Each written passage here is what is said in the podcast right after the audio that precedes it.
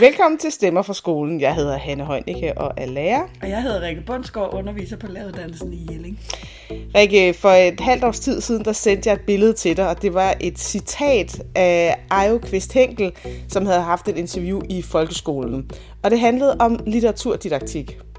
Ja, det, det citat gjorde også indtryk på mig, Hanne, så jeg kan godt forstå, at du sendte det til mig. Det er måske et opgør med, med en måde at arbejde med litteratur, øh, som vi måske har gjort i skole lidt for længe. Ja, det, det, det har jeg i hvert fald selv gjort som dansklærer, vil jeg sige. Ja, jeg kan heller nok ikke se mig helt fri for det.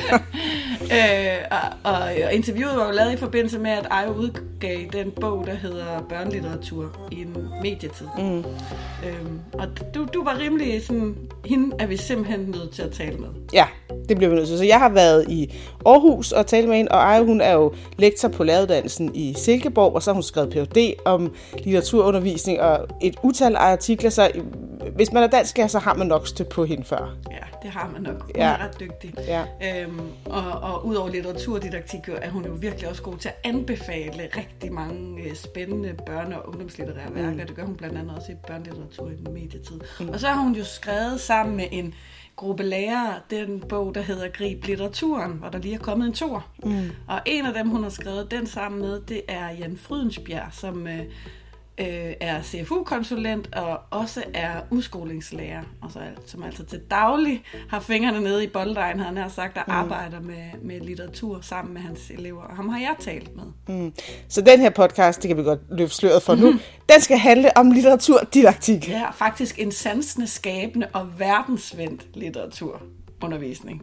Først der vil jeg starte med at læse et citat op, fordi det her citat, det læste jeg i weekendavisen, og weekendavisen havde snuppet det fra folkeskolen. Og så tog jeg et billede af det og sendte til Rikke og sagde, det her skal vi lave en podcast om. Ja, okay. Øh, øh, for det var, det var på en eller anden måde lige vand på vores mølle. Øhm, og det, jeg læser den lige op her. Litteraturen skal ikke læses i lukkede klasserum, hvor man dissekrerer teksten. Så sker, der nogle gange, så sker det nogle gange undervejs, at operationen lykkedes, men patienten dør, så at sige. Teksten døde, og læseren døde måske også lidt undervejs. Kan du ikke genkende det til det citat? Ja, altså, ja, og det er selvfølgelig sådan, altså sat lidt på spidsen, ikke? Men øhm, altså, jeg tror, at nogle gange så har vi været så optaget af analyse og af teksten sådan i sig selv, eller dele den op i delelementer, øh, og også at lave altså, operationaliserbare mål og sådan, så videre med litteraturundervisningen, at vi måske har glemt det der mere, altså de mere overordnede formål med at læse litteratur. Mm. Øhm, altså alt det her med, hvad litteratur kan, vise en nye verdener, noget man kan spejle sig i, eller blive klogere på sig selv, øh, men også altså, blive klogere på andre mennesker, øh, hvordan livet kan se ud helt andre steder, i andre familier og, og sådan nogle ting. Øh, at nogle gange så tror jeg, at de her opgaver i litteraturundervisning har lidt løsrevet sig sådan fra selve fortællingen, selve litteraturen, tekstens, mm. Øh, altså sådan udsagn om at være menneske i verden og så videre. Øhm, det kommer det, vi også ind på lidt senere, fordi jeg vil lige spørge dig, inden du går videre. Ja. Undskyld, jeg afbryder. Men det er sådan et, hvordan ser litteraturundervisningen ud i dag? I, altså nu sidder vi her en formiddag, onsdag formiddag, og lige nu er der masser af litteraturundervisning, der foregår rundt i de danske skoler. Hvordan ser den ud? Ja, altså, øh, det bliver selvfølgelig øh, lidt generaliserende, når jeg siger, hvad, hvad, ja. jeg, hvad jeg kan sige om det, ikke? Men altså, hvis vi ser på, der er faktisk lavet en del altså større og mindre, øh, både øh, sådan store empiriske undersøgelser og kvalitative undersøgelser af litteraturundervisningen i de senere år. Øh, blandt andet den her læremidlernes danskfag, som forskere fra DPU har lavet, der, der viste det her med, at litteraturundervisningen i danskfaget i 4. klasse øh, over fire årtier, og det er hende her, Anna Skyggebjerg, der har lavet den undersøgelse, øh, har udviklet sig fra sådan øh, at være mere øh, åben og fabulerende til at have meget mere fokus på sådan formelle færdigheder, mm. altså øh, og at eleverne skal lave personkarakteristikker og kunne sige intertekstualitet og sådan, altså sådan med fokus på fagbegreber og sådan mere formalistiske dele af faget. Og videre har der været den der store øh, KIDM, kvalitet i dansk og matematik, undersøgelse, som jo øh, blandt andet øh, Thomas Elum Hansen har ledet, men en del forskere, der har undersøgt litteraturundervisningen øh, bredt i, øh, blandt mange elever i 7. klasse med observationer, spørgeskemaer, interviews og sådan noget. Og de viser også øh, øh, noget i den retning, altså at, øh, at litteraturundervisningen har meget fokus på sådan formelle færdigheder og Øhm, ja, der står sådan et eller andet med øhm, nykritiske, altså de her ny, begreber for nykritikken ligesom er, øh, er, kommet, er gået igennem på mm. den måde, at, øh, ja, at det er meget sådan, ja, øh, analysemodeller, nærmest i vulgær form, øh, står der et sted. Det er også noget, jeg har citeret øh, i det første kapitel i min bog, der er mm. børnelitteratur i en medietid. Mm. Og, øh, og en anden undersøgelse er det hende der Marianne Oksbjerg, der i sit Ph.D.-projekt undersøgte så hvordan, fordi en ting er, hvad læremidlerne, øh, når man laver læremiddelanalyser, øh, og også de her større undersøgelser, men hun undersøgte så også mere kvalitativt øh, fire lærers øh, litteraturundervisning, og kommer også frem til det her lidt, altså en, en form for instrumentalisering af litteraturundervisning med fokus på formelle færdigheder, som det her med sprog, sproglig analyse eller miljø- og personkarakteristik, og sådan et, øh, et, det hun kalder et utilitaristisk paradigme, altså et paradigme, der har fokus på mål og nyttestyring. Mm. Øh, Hvornår men kommer også, det ind egentlig? Ja, altså. altså det er jo noget, der har kommet over år, og jeg vil også sige, at det er ikke noget, der falder tilbage på lærerne mm. nødvendigvis. Altså, fordi øh, jeg tror, altså, det handler om flere ting. Det er jo en kompleks sag, sådan noget. Ikke? Mm. Og det handler jo blandt andet også om, øh, altså, at øh, lærernes arbejdsvilkår, tænker jeg, efter UK 13, efter lærerlockouten, det tror jeg var lidt en mavepuster til lærerne, de fik mindre forberedelsestid, og det gør så også, at man måske bliver mere afhængig af at bruge læremidler. Læremidlerne er også blevet mere og mere detaljeret, øh, ja. altså, og jeg tror jo nogle gange, at sådan en rigtig høj didaktiseringsgrad af læremidler øh, også gør, at det kan godt tage lidt initiativet fra lærerne.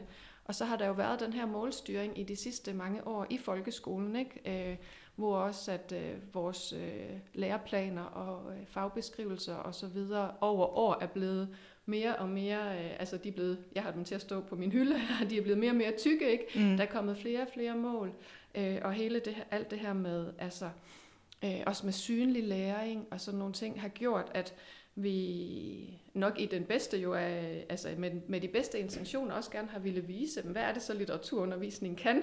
Ja. Øh, sådan, og, og der, hvis man gerne vil sådan kunne lave altså målstyring og så videre, så, øh, så peger det i den retning. Men jeg tænker, at aktuelt, hvad der sker lige nu, er pendulet ved at svinge lidt i den anden retning. Sådan er det jo tit inden for pædagogiske øh, tendenser. Du har lige skitseret hele mit lærerliv op der, er jo. ah, nu sker at, der noget nyt. Ja, ja at, øh, at vi går fra den her målstyring og læreplanstyring til sådan en større grad af frisættelse nok. Mm. Og også, altså synes jeg, der er mange ting, der også peger i retning af sådan en mere, altså med mere fokus på æstetisk øh, og skabende læring mm. øh, i også i litteraturundervisning. Så det skal ikke være sådan en, øh, en redselshistorie, men, øh, men altså, øh, øh, at der nu også er ting, der peger i retning af, at vi også kan udvikle øh, litteraturundervisning mm. til at blive mere meningsfuld, øh, lige så vel som ja, mange andre sider af skolen, og at det også har været øh, på vej i de senere år. Jeg tænker sådan lidt, altså hvordan hænger vores... Altså hvorfor skal man overhovedet egentlig læse litteratur i skolen? Altså fordi, nu når du snakker om det, skal vi så ikke bare give los, og så sige, at det, det er da lige meget, eller... Altså, altså hvorfor skal vi overhovedet gå i gang med at læse litteratur? Ja, det er jo et, kæmpestort spørgsmål. Ja.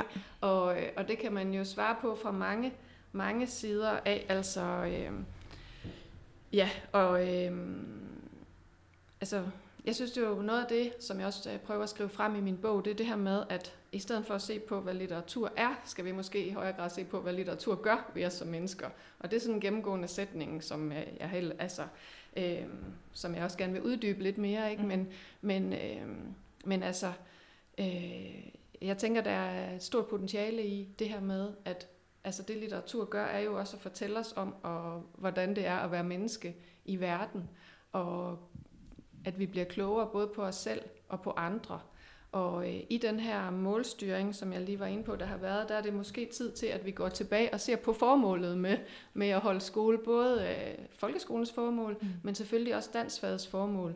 Og i det har vi jo stor legitimitet i øh, mange vigtige øh, begreber. Altså der står blandt andet i folkeskolens formål det her med, at Øhm, altså at både at man skal give eleverne lyst til at lære mere, og også det her, at man skal give dem øh, skabe rammer for oplevelse, fordybelse og virkelyst, øh, og de skal udvikle erkendelse og fantasi og få tillid til egne muligheder og baggrund for at tage stilling og handle. Og alt det mener jeg, at litteraturen er et enestående øh, øh, genstandsfelt øh, at arbejde med i forhold til det.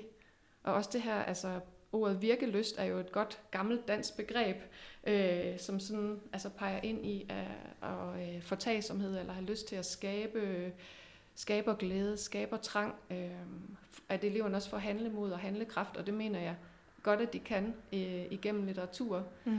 på mange måder, som jeg også kan prøve at, at, at komme med nogle konkrete bud på mm. lidt senere. Og lige så vel i dansfagets formål står der også meget om, altså, ja, om det her med oplevelse og æstetisk, etisk og historisk forståelse. Mm. Øh, og der, der er litteratur et bud blandt mange andre. Det kan også være igennem film eller øh, billedkunst og så videre, men jeg vil øh, våge den påstand, at de sådan kunstneriske fag har noget at byde på der, fordi at man kan blive, øh, kan blive klogere på sig selv. Mm. Ja, fordi jeg tænker, altså de her overordnede mål for at, det at gå i skole overhovedet, ja. og undervise i dansk eller lære noget dansk, det er der jo ikke stor uenighed i blandt øh, hverken dem, der laver læremidler, forlagene, forfatterne, sådan en som dig. Øh, men hænger det så sammen med den måde, vi så underviser i det på? Altså er der en sammenhæng med, øh, hvordan er det, jeg har be- altså hvordan hænger vores begrundelse for, hvorfor vi skal læse sammen med den måde, hvor til vi går til litteraturundervisningen? Ja, men der tror jeg nogle gange, altså, at, at uh, i undervisningen, så kan den måske løsrive sig lidt, og det er mm. det, jeg også mener med det der med, at man skal ikke læse litteratur i, i de i lukkede klasserum, ikke? Mm. Også, men, men også tage litteraturen ud i verden, og det er det, jeg også prøver at skrive frem som sådan en verdensvendt litteraturundervisning, altså det her med, at øh, ja, at øh, se også, hvad vi kan bruge litteratur til i øh, som mennesker i verden. Mm. Og, og en af de øh, teoretiske referencer, jeg har, altså ikke at jeg sådan skal gå øh, alt for meget ind i det sådan her, men, men altså, mm, øh, jeg bruger blandt andet Løstrup, god gamle Løstrup, mm. øh, i min bog også til, at, altså, fordi det han taler om, altså skolens øh, formål, altså han har jo sat et stort aftryk på skoletænkningen i det hele taget, ikke? men han taler jo om det her med, at skolens formål er tilværelsesoplysning som er langt mere end det her med formelle færdigheder og kompetencer. Mm. Øh, og han, han siger også det her med, at, altså, at i litteratur og kunst i det hele taget, øh, kunsten kan gøre noget, øh, noget øh, fraværende, nærværende. Han siger, når, når I til dagligt lever vi efter vaner og planer. Mm. Det kender vi godt til nu, når man, hvad skal jeg senere i dag, og så videre. Men i kunsten, i mødet med, med litteratur og andre øh, kunstneriske former, så bliver vi langsynet, så kan vi se langt, øh, og, og at kunsten kan tage os ud af vores sjælelige fure, det synes jeg også er sådan mm. et godt billede. Altså vi kan ligesom skifte spor, øh, og ligesom, altså at litteratur og andet anskueligt gør, altså gør noget, øh, viser os noget, hvordan verden kan være på andre måder. Ja. Mm. Og han taler om sådan en form for, altså det han kalder æstetisk suspension, at vi ligesom øh, kan blive ja, kan blive langsynet, kan se noget andet øh, ved at, at, at møde de her, med, ved at, ja, at læse litteratur og møde andre kunstneriske mm. tekster. Mm. Altså, ja, det er jo så mega inspirerende at høre det her, men jeg tænker, hvis man skal have nogen, en 9. klasse op til eksamen, så er der jo bare nogle andre måder, vi skal, altså, mm. øh, fordi vi er jo et sted, hvor vi skal måle de her børn. Det kan ja. vi ikke rigtig komme udenom. Det ligger i det at uddanne dem på et tidspunkt. Skal der ligesom falde en dom? Øh, er der mange, der mener. Øh, så hvis vi nu tager de der, den der klassiske tilgang, hvis vi nu tager den ud, mm. hvordan skal vi så lave de her eksamener? Hvordan skal vi så, hvad skal man så kunne, når man er færdig med 9. klasse i dansk, mm. hvis man trækker noget litteratur? Ja, altså der tænker jeg faktisk også, at der er momentum lige nu øh, for at ændre os på eksamensformerne, og mm. man har jo de her øh, prøve, øh, øh, altså prøveeksamensformer lige nu, der kører i 9. klasse, hvor nogle skoler har valgt at lave enten den her portfolioeksamen eller mm. den her case-baseret.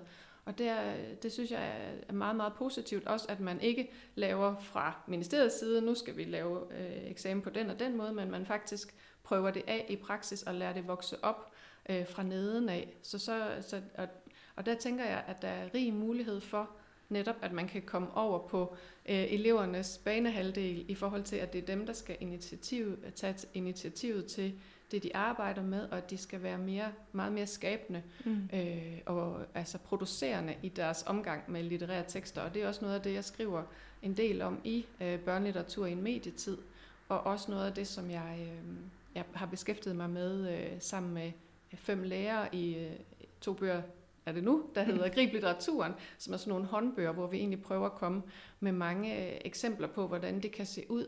Ikke for, at så skal lærerne gøre sådan, men altså som en invitation til at tænke med og tænke om, altså at være, øh, sådan, være mere producerende og skabende og sansende i øh, omgangen med, med litterære tekster. Mm. Så jeg tænker faktisk, altså, at der er sådan, altså, at der er gode muligheder for, at også eksamen kan kan, og, og hvis eksamen ændrer sig, så vil det jo også øh, falde tilbage på undervisningen. Det må man sige. Men er det, skal vi helt tage alle de her altså personkarakteristikker og miljøbeskrivelser og miljøanalyser, så skal vi helt smide det ud, eller, eller hvad kan vi bruge af det egentlig? Ja, altså, og der er jeg faktisk lidt ked af, at den nærmest er kommet sådan en nykritik bashing, ikke? fordi mm. at øh, man siger, at det er også øh, nykritikkens skyld, at det er blevet sådan. Øh, for jeg mener helt bestemt stadigvæk, at eleverne skal tæt på teksten, og teksten skal også øh, tæt på dem. Og nykritikken blev egentlig altså udviklet i USA øh, tilbage i 20'erne og senere sådan også i 40'erne af litterater, mm. som ofte skrev litteratur selv. Øh, og det blev især udviklet til at læse modernistiske digte, øh, der i den her sprængte form havde brug for en ny metode. Man kunne ikke læ- længere læse biografisk. Men, men den er aldrig tænkt som en metode, der skulle martre stakkels folkeskoleelever øh, i Danmark. Øh, så i den her... der kom det ind egentlig første gang, ikke? Eller jo, så, så det er i den her bevægelse fra litteraturvidenskaben og ind i undervisningen, altså det man også sådan med en metafor har sådan kaldt for nedsivning, ikke? fra universiteternes teoriudvikling mm. og ind i skolen, så har det sådan løsrevet sig i de der endeløse analyseskemaer, hvor man kan høre eleverne sige det her med, personerne er meget almindelige, og sproget er meget almindeligt, og altså det...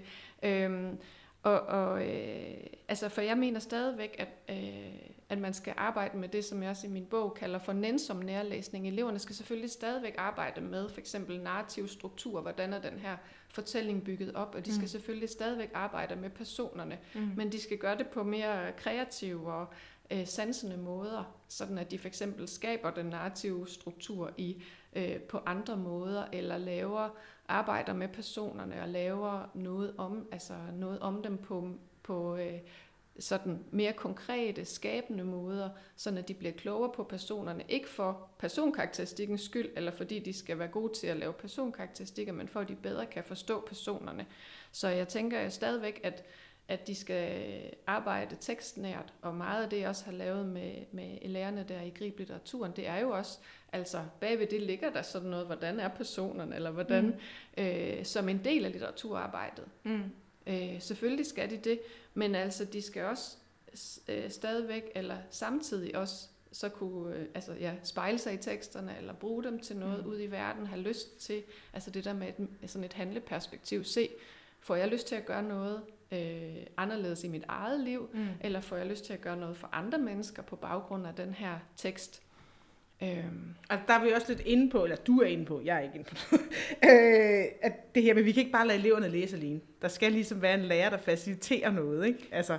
Øh, helt sikkert, for det kan jeg også godt være lidt nervøs for, hvis sådan pendulet svinger over i sådan en mere øh, øh, sådan fri og... Sommerhedskolen. Nu skal du bare sidde og lave, hvad du har lyst til. Ja. Ligneagtigt, fordi altså, jeg, tænker, jeg er jo selv øh, uddannet lærer tilbage i 90'erne, hvor den her mm. bog, Læs bøger med hoved, hænder og hjerte, af, af Marianne Keinicke og Jonna Byskov Nielsen kom frem. Og det var meget sådan inspirerende for mig, og, og sådan ret frisættende dengang for litteraturundervisningen, når man begyndte at lave sådan meddækninger og, mm.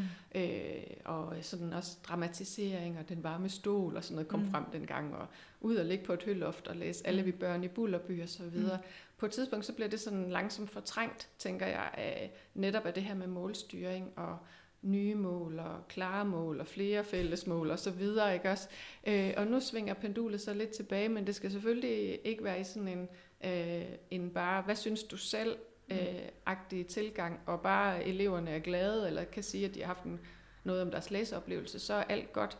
Altså jeg tænker jo stadigvæk, altså det handler rigtig meget om, at læreren skal facilitere undervisning, og, øh, og også jo sætte sig selv på spil, også som læser, mm. sammen med eleverne, og, øh, og, øh, og også altså, jo både være en god rollemodel og vise, mm, hvordan øh, man selv øh, forstår den her tekst, og selvfølgelig også øh, lave nogle aktiviteter og greb med eleverne, som gør dem klogere på teksten, så man skal på ingen måde tage ansvaret fra læreren, eller sådan at læreren skal læne sig tilbage og mm. ikke byde ind i uh, litteratursamtalerne. Uh, ja. Jeg tænker også på, øh, vi har brugt det før en anden øh, podcast omkring øh, en, en stor undersøgelse og sådan noget, men, men det her med, der er jo også noget i at, at vise eleverne noget litteratur, og så tage det, som de selv synes er godt. Mm. Fordi litteratur er jo efterhånden mange ting. Altså ja. det bor jo ikke kun i bøgerne. Nej. Og hvis vi kun tager det, som eleverne synes er godt, så er der jo også måske en, for, altså en opgave, vi har i at åbne noget for, eller åbne op noget for dem, som vi ikke lever op til. Forstår mm. du, hvad jeg mener ja. med det?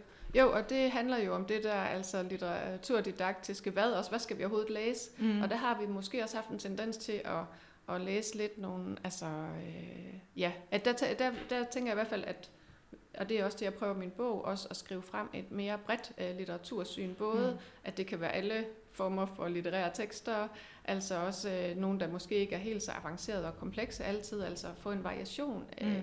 af tekstvalget, men også at litteratur kommer i mange forskellige former i dag. Og det er også derfor, min bog hedder Børnelitteratur i en medietid, fordi jeg også altså, har prøvet at, at, at, at sammentænke noget børnelitteraturteori med også sådan, um, impulser fra medieforskningen, fordi Altså i dag, der får børn og unge jo oplevelser, viden og de her erkendelser fra mange forskellige medier. Ikke?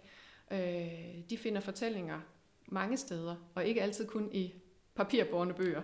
Ikke altid, øh, og så i stedet nej. for at sætte sig hen i et hjørne og sådan, øh, være ked af det, altså så tænker jeg jo, at det giver os en oplagt mulighed for at gentænke vores forståelse af, hvad børnelitteratur er, og også mm. vores begrundelser for, at læse og arbejde med børnelitteratur. Det er også der den her med at gå fra, hvad litteratur er, til hvad litteratur gør ved os som mennesker i verden. Øh, og også invitere andre formater ind, altså, øh, og, altså også se på, hvordan litteraturen vandrer fra øh, forskellige, for eksempel fra en Netflix-serie, og bliver til, til bøger. Mm. Og altså i gamle dage var det så læste man bogen, så så man filmen, mm. men i dag går, op, øh, går bevægelsen jo tit den anden vej. Ja.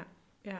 Jeg talte med min mor, at jeg skulle herop. Min mor, hun blev lærer i 1970 eller 71, og så sagde hun, ej, hun kunne huske, at de første år, hun var lærer, der måtte de ikke bruge tegneserier, og tegneserier måtte ikke være på skolebiblioteket. Ja.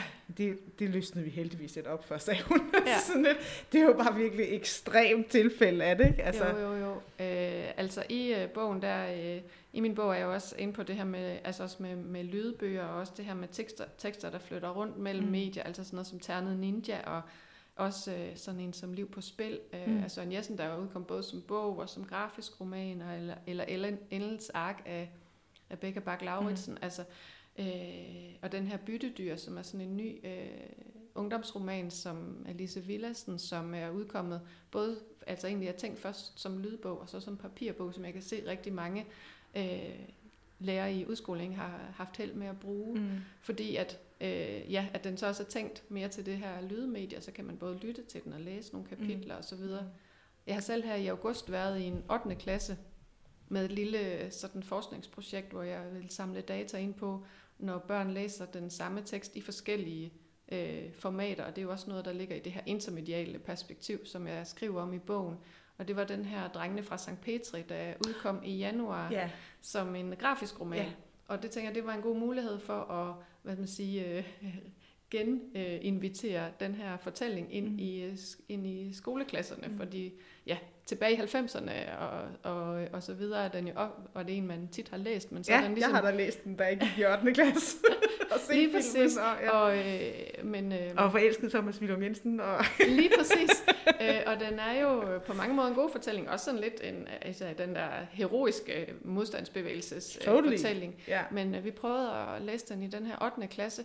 Først som grafisk roman, og så arbejdede vi med den på forskellige måder. Og, øh, og, øh, og så senere, øh, og, og det er jo sådan også nogle af de her arbejdsmåder, som jeg skriver om i, mm. øh, i bogen også, øh, altså blandt andet så fik de den udleveret i Silkeborg Kirke øh, en fredag morgen og begyndte læsningen der, så vi var lidt inspireret af det her. Jeg var lidt inspireret af det stedsbaserede mm. læsning, mm. som der også er skrevet flere Ph.D.-afhandlinger om i Danmark nu, øh, blandt andet af Dorte Eggersen, min øh, kollega her i VIA, og øh, en, der hedder Pernille Pjensted Mønsted, Pjelsted. ja, vi får øh, hende på plads. Men ja. ja, det her med det stedsbaserede, men altså, hvad det også betyder netop det her, og det var et eksempel, konkret eksempel på også at tage litteraturen ud af de lukkede klasserum og mm. ud i verden. Øh, og sådan, det skabte en lidt højtidelig stemme, men kirkerummet var selvfølgelig også valgt, fordi det er noget, der spiller en stor rolle i drengene fra St. Petri, mm. at de har den her hemmelige klub oppe i kirketårnet. Mm. Mm. Og så videre arbejdede eleverne så både lavet sådan mere traditionel læselog, hvor de skrev om, men med fokus på sådan, altså hvad der gjorde indtryk på dem sådan sansemæssigt og følelsesmæssigt, når de læste i bogen. Og så har de lavet sådan nogle mere kreative øh, greb også, som øh, at øh, for eksempel gen, genskabe, øh, altså lave noget, sådan en lille udtalelse fra en af de litterære personer, hvor de animerer mm. øh, hovedet, og så laver sådan en lille mundtlig ud, øh, udtalelse fra eleverne i en app, der hedder mm. Talker. Øh, de lavede også øh, noget, vi har i griblitteraturen kaldt litterær snap, altså hvor de skulle lave en snap, mm. øh, som kunne øh, være noget, øh, de litterære karakterer, at de sendte til hinanden, eller mm. de havde sådan en gruppe, mm. øh, og, øh, og de lavede sådan nogle wanted-plakater også, som også er noget af det, vi har med i griblitteraturen med, hvis nu man skulle eftersøge en af de her personer. Ja og hvor de arbejder både med skrift og billede og lyd, øh, og det var de meget øh, motiveret for. Mm. Øh, og videre så øh, laver de også sådan nogle større kreative produktioner, som egentlig også er et eksempel på noget af det, jeg taler om her, hvor vi satte dem fri en uge, altså hvor de havde alle danstimerne til så at skulle lave en fortolkning, øh, enten sådan en meddækningsopgave, eller det her mere, lidt mere aktivistiske, mm. og, øh, og, og genskabe noget af fortællingen. Og det var jeg diskuterede også lidt med læreren, var det for fri en opgave og så videre. De havde de her danstimer, og de fik endda, nogen ville gerne sidde hjemme og arbejde, og det fik de lov til selvfølgelig efter aftale med forældrene og sådan noget. Øh, og, og så gik der nu, så skulle de så ligesom præsentere produkterne for, øh, for mig og læreren. Og, øh, og det, der var ret fedt, det var, at de havde arbejdet meget sådan koncentreret og, og havde altså to øh, grupper, og undskyld, det bliver lidt kønsstereotyp, men det mm. var to drengegrupper, de havde arbejdet i uh, Minecraft og genskabt mm. øh, uni- netop kirkerummet øh, meget øh, sådan detaljeret og havde spikket ind over øh, og lavet sådan en lille video på det. Nogen havde lavet sådan en nyhedsudsendelse, som hvis det havde været øh, det her med den her bombesprængning. Øh, og, øh, og nogle grupper havde lavet sådan nogle kreative, meget fine øh, genskabelser af øh, også af rummet eller øh, elementer fra fortællingen mm. øh, i pap og så videre, mm. ikke også? Men virkelig fine ting. Og, og det, der var interessant, var, at nogle af dem, de havde siddet til kl. 11 aftenen inden, altså mm. det her mm. med, at de havde virkelig fordybet sig i det, og, øh, og lavet nogle, ret, øh, nogle meget fine produktioner, og også talt ind over det. Mm. Øh, altså forklaret, hvad de lavede i sådan nogle små øh, speaks, som de så havde optaget. Mm. En elev havde lavet, og det er lidt ind i det her med det mere handle perspektiv, eller det mere sådan litterær aktivistiske perspektiv, som man også kan diskutere, men hun havde lavet sådan en øh, bog, du er selv hovedkarakteren i Drengene fra St. Ah, Petri, sjovt. hvor hun så udsatte, at hvor man så skulle ligesom øh, tage valg, prøve, tage valg Ej, de her fedt, etiske fedt, valg. idé, mand. Du får, øh, ja, altså du ja. finder den her pistol, hvad vil du gøre? Vil du gå til mm. tyskerne, mm. eller vil du, øh, og hvor øh, man så som læser bliver både sat i øh, ja, altså selvfølgelig modstandsbevægelsen sted, men også hvad hvis nu man kom på den anden side, og mm. man kunne også blive... Men også det der med, altså det bliver jo helt en filosofisk snak, der kommer, hvor, hvor nemt det er at gøre noget, der ikke er godt. Lige altså sådan, det kommer vi, altså vi kan ikke alle sammen være den der heroiske øh, modstandsbevægelse og, og, og, og, og, og blive martyr. Det er jo det, vi bliver til sidst, ikke? Altså, Lige nøjagtigt, og, og, og, og så kom vi også til at diskutere hele det her med, altså de var så også inde og finde ud af noget om øh, altså modstandsbevægelser og så videre under øh, 2. verdenskrig og Churchill-gruppen, og de var jo meget optaget af, det var faktisk nogen, der var på deres alder, eller kun mm. lige et år eller to ja, ældre, ja. og hvad der skete der. Noget, der også var interessant i det forløb, det var så, at da de så havde læst øh, den grafiske roman, så læste de så også nogle kapitler fra øh, papirbogen der fra mm. 1992, og de så filmen. Mm. Og pludselig synes de, øh, eller jeg var overrasket over, at de synes faktisk, at bogen var rigtig god, og de fik nogle detaljer med her, som de ikke havde fået i den grafiske roman. Mm. Og det synes jeg var virkelig interessant, øh, og og jeg tror, havde vi givet dem øh, bogen øh, først, så havde de, var de måske langsomt øh, øh, gået lidt kolde på den. Det er ja. i hvert fald, hvad jeg har hørt og, ja. øh, fra andre læger, hvorfor man ikke læser den roman så meget mere. Mm. Men ved at de mødte den i den grafiske roman, og ligesom de synes, det var ret altså, super interessant at sammenligne de tre formater, mm. og se, hvad var det, hvad, var, hvad havde de til fælles, og hvad var anderledes. Mm. For eksempel øh, konkluderede de, at øh, at den her sidste sådan store bombesprængning, at den var mere voldsom i den grafiske roman, mm. end den var i uh, papirbogen og også i uh, filmen. og det synes jeg var vildt interessant. Ikke? Ja. Øhm, så det her med en fortælling i forskellige, hvordan den kan flytte rundt mellem forskellige uh, formater, mm. og hvad man kan bruge det til, det tænker jeg egentlig, der er et stort potentiale i. Kæmpe potentiale. Også det her med, at der ikke er en af litteraturerne, der er finere end anden. Lige det kan jeg rigtig ja. godt lide. Altså, ja. Fordi det er jo et sted, hvor vi bare skal gribe, og der, der, der er, sker der jo enormt meget i, på, i medieverdenen mm. lige for tiden. Altså, jeg har sammen med, jeg har en datter også, der går i 8. og vi har set Heartstopper på ja. Netflix. Ja, ja, ja. Og så bagefter har vi læst øh, bøgerne og gået ind i hele den historie om, hvordan hende her, hun udgiver den første, når hun er 18-19 år, ja. og, og, og det bliver altså co-founded. Altså, ja. hendes, hun starter med at, at lave det digitalt. Ja, online tegneserie, ja. ja. Og det er simpelthen sådan en, øh, en vigtig historie, som hun har lavet, Heartstopper, plus at det er også bare en vigtig historie om, om hende selv. Altså, det, det er bare... Det, jeg har bare... Det, jeg har, ja, mega inspireret af det, af det de historier også. Jeg synes, ja. det er virkelig spændende. Men det er også et, altså Heartstop er også et virkelig godt eksempel på det her med, hvordan en fortælling flytter rundt i forskellige ja. formater, ja. Og, øh, og hvordan unge i dag møder fortællinger på forskellige steder, ja. og hvordan man også kan invitere dem ind i uh, undervisningen, ikke? Og, ja. øh, og gøre til genstand for, for undervisning. Og så alt det med, altså vi kan jo se flere og flere billedbøger, det er også noget af det, jeg skriver meget om i bogen.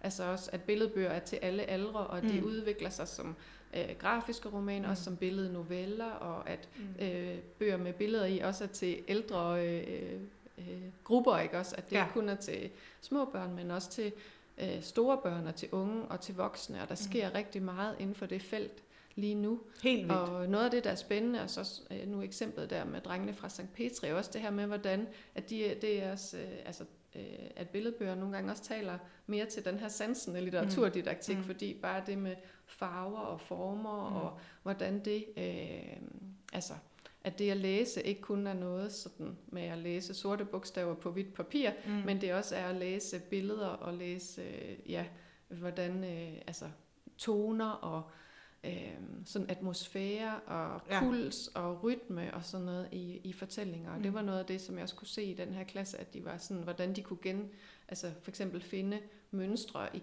øh, sådan farvemæssige mm. gentagelser mm. eller mønstre på motiver og sådan mm. noget igennem fortællingen sådan at det nærmest altså, minder om lyrik. Ja. og sådan, altså, så det her med at læse er mange ting, og at vi nok har haft altså, for meget fokus på læsning som noget, altså der kunne foregå ind i hjernen, men mm. også at vi også skal læse med, ja, med sanserne forrest, som jeg også skriver flere mm. steder, og også øh, altså læse med hele kroppen. Ikke? Mm. Øh. Mm. Ja, det, vi bliver nødt til at få noget teori på det nu. Altså, det er så, jeg kan blive ved at, at sidde og snakke med dig, men du har jo den her, altså, øhm, materialitet, øh, men også den her, hvad hedder det, din, øh, den sansende, skabende og verdensvendte litteraturdidaktik. Mm. Og det er jo den, vi ligesom har nærmest udfoldet nu her. Men mm. en lille smule mere gå ind på den her, den verdensvendte.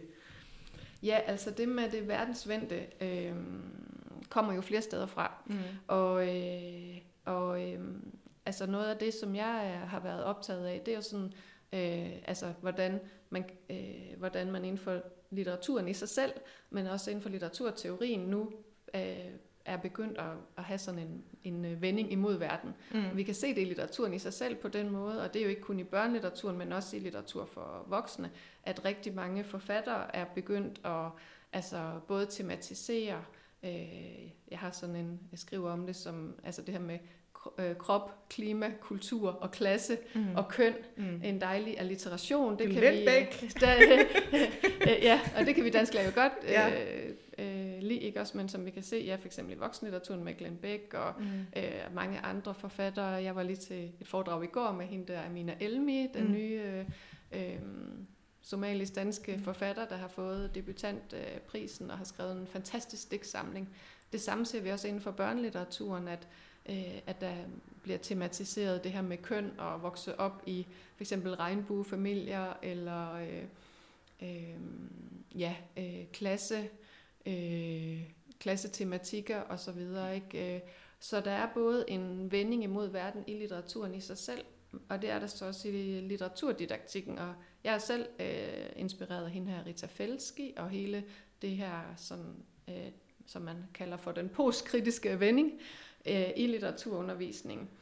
Øh, Felski er jo, øh, har været på øh, Syddansk Universitet i en årrække med et projekt, der netop hedder øh, Litteratur i brug, de sociale dimensioner af litteratur, mm. hvor de undersøgte, øh, ja, hvad betyder det, når man tager litteraturen, øh, altså læser litteratur med forskellige grupper, blandt andet mm, mennesker med psykiske udfordringer, eller øh, ensomhed, og, man, og det her med også, at, at øh, man har læst eller læser litteratur i lægeuddannelsen, altså for at gøre læger mere øh, empatiske, mm. altså ikke læger, men læger med G, ikke også? Ja. Og det har de virkelig gode øh, erfaringer med. Øh, så det her med, hvad litteraturen kan øh, øh, ude i verden i det hele taget. Og den tanke øh, er jo oplagt også at tage ind i en mm. skolesammenhæng, ikke? Øh, og, og Felski siger netop det her med, at vi har haft fokus på sådan at, øh, at distancere os fra teksten og gå bag om teksten, øh, og måske også altså sådan undersøge den med øh, sådan et mistroisk blik, øh, og skal finde ud af, hvad er, ja, hvad er de skjulte betydninger osv., men at vi måske i højere grad øh, skal gå med teksten. Øh, og hun siger sådan, at vi skal tage litteraturen tilbage til læseren, øh, og måske i højere grad altså øh, stille os åben og nysgerrige sådan over for teksten og sige, hey tekst, øh, hvad, vil, hvad vil du mig? Og, mm. Altså også, hvad, hvad har teksten egentlig på hjerte, og hvor brænder den på for, for, øh, for eleverne? Hvor er der noget øh, interessant på fære? Mm. Mm. Er det også noget af det her handleperspektiv, det, det ligger meget op af? Det synes eller jeg jo så, ja. man kan, altså, at, øh, at, at, at det ligger i forlængelse af det, ikke? Hun siger, altså man, med, med hende kan man sige, at vi har haft sådan en tendens til at tale om teksten. Mm i stedet for at sans, sans, mere sansen og komme mm. ind i den, ikke også? Øh, og, og vi skal ikke bare sætte den på formel, mm. og så øh, to øh, streger under, ikke mm. også? Og, og lægge et eller andet genreskema, eller anvende forskellige de her, alle de her fagbegreber, mm. men måske i højere grad gå med, med, med, med teksten, og lægge mm. vægt på kropslighed, og mm. det her med at læse, altså også for stemning og for nærvær, mm. der er hun også mm. blandt andet inspireret af en forsker, som det skriver også lidt om i bogen, altså, der hedder Gumbrecht, Ulrik Gumbrecht fra Tyskland, der taler meget om sådan, altså også det her med litteratur, øh, litteraturens atmosfære og mm. mulighed for at skabe nærværende. At det at læse litteratur, det er som at blive rørt indefra. Mm. Men hvordan delen skaber man så det i klasserummet? Ikke? Også hvordan øh, får man så mulighed for, at eleverne også oplever det? Mm. Øh, og det er jo det her både at, at give plads til elevernes læseoplevelser, øh, men også det her med, hvordan litteraturen kan, kan altså, ja, det her handleperspektiv, mm. ikke? Eller øh, hvad, hvad, hvad kan de bruge det, den her tekst til i deres eget liv og i mm. andres liv her og mm. nu? Mm. Øh, ja, altså man kan jo sige, det er jo det, man har jo nærmest, altså litteraturen ligger der foran os som et kæmpestort bibliotek, som det jo er. Øh, altså vi har jo pligt til på en eller anden måde at tage det til os, ikke? Altså at læse om, altså kan man sige alt muligt om jeg Hassan, men han fortalte os jo en ret vigtig historie, mm. især med sin første digtsamling, ikke? Mm. Og, og der man kunne næsten forudse, hvordan, hans, hvordan resten af hans liv ville ende, eller sådan, da man da man læste det, man tænkte, mm. det her er en frygtelig historie, mm. og det bliver en frygtelig historie. Mm. Og vi har pligt til at, at, at forholde os til det, mm. når man først har åbnet den bog. Ikke? Mm. Man kan jo ikke bare åbne den bog og så sige, nej, det var det. Mm. Altså. Lige præcis. Og det er jo det med, altså, og der jo vil være noget, man både kan, altså, kan spejle sig i, ikke også altså på, på tværs af alle mulige øh, aldre og mm. sociale skæld og etnicitet og så videre, så er der både noget, man kan spejle sig i, der er også noget, man kan tænke, det helt anderledes, altså der virkelig kan udvide ens viden om, om verden, ikke? Mm. Øh, og, øh, og det er jo noget af det, jeg synes, der er rigtig vigtigt, at man øh, giver plads i litteraturundervisningen.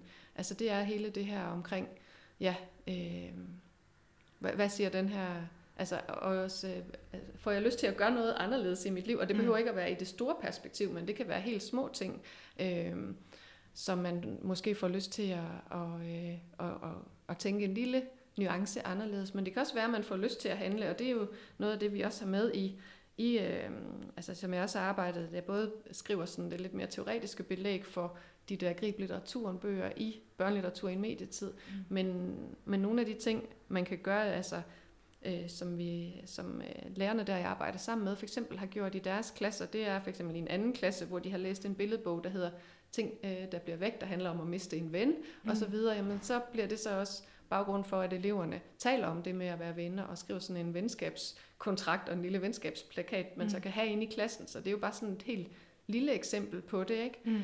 Øhm, det kan også være, at man eleverne i en fjerde klasse, der havde læst øh, en bog, der handler øh, om, øh, om skilsmisse, øh, der så øh, sådan giver et godt råd til den her litterære karakter, ikke? Mm. Øh, og, og laver det i sådan små øh, øh, hjerter og putter i, øh, ja, i sådan nogle foldede hjerter, fordi det også var noget, der var i, altså sådan nogle julehjerter, der var i, øh, i den her bog.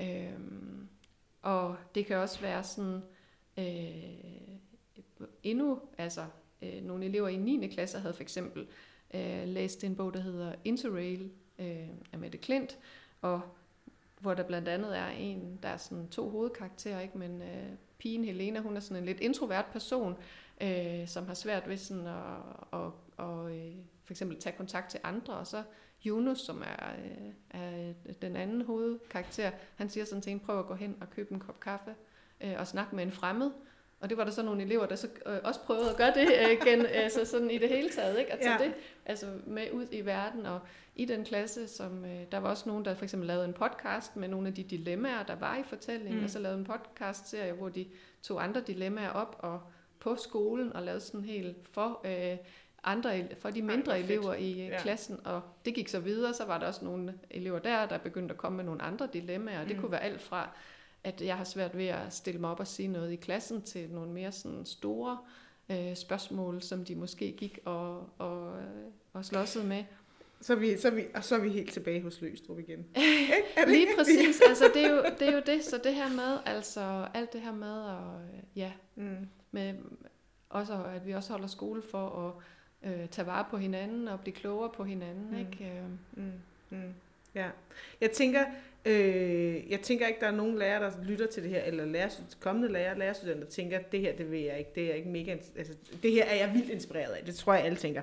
Men jeg tror, jeg, nu har jeg også en hverdag ude i skolen, og den mm. er jo også delt op i, når lige om lidt, så skal de over have biologi, og lige om mm. lidt, så er det frikvarter, og så er der nogen, der er syge, og så er der nogen, der er på ferie, og altså, det kræver, det, det kræver også sådan en opblødning, ikke? At man mm. kan blive, at man kan følge sine sanser. Lige nu er jeg så optaget af det mm. her. Så det er det eneste, jeg kan lave. Ja. At sidde og lave den her model i Minecraft, eller ja.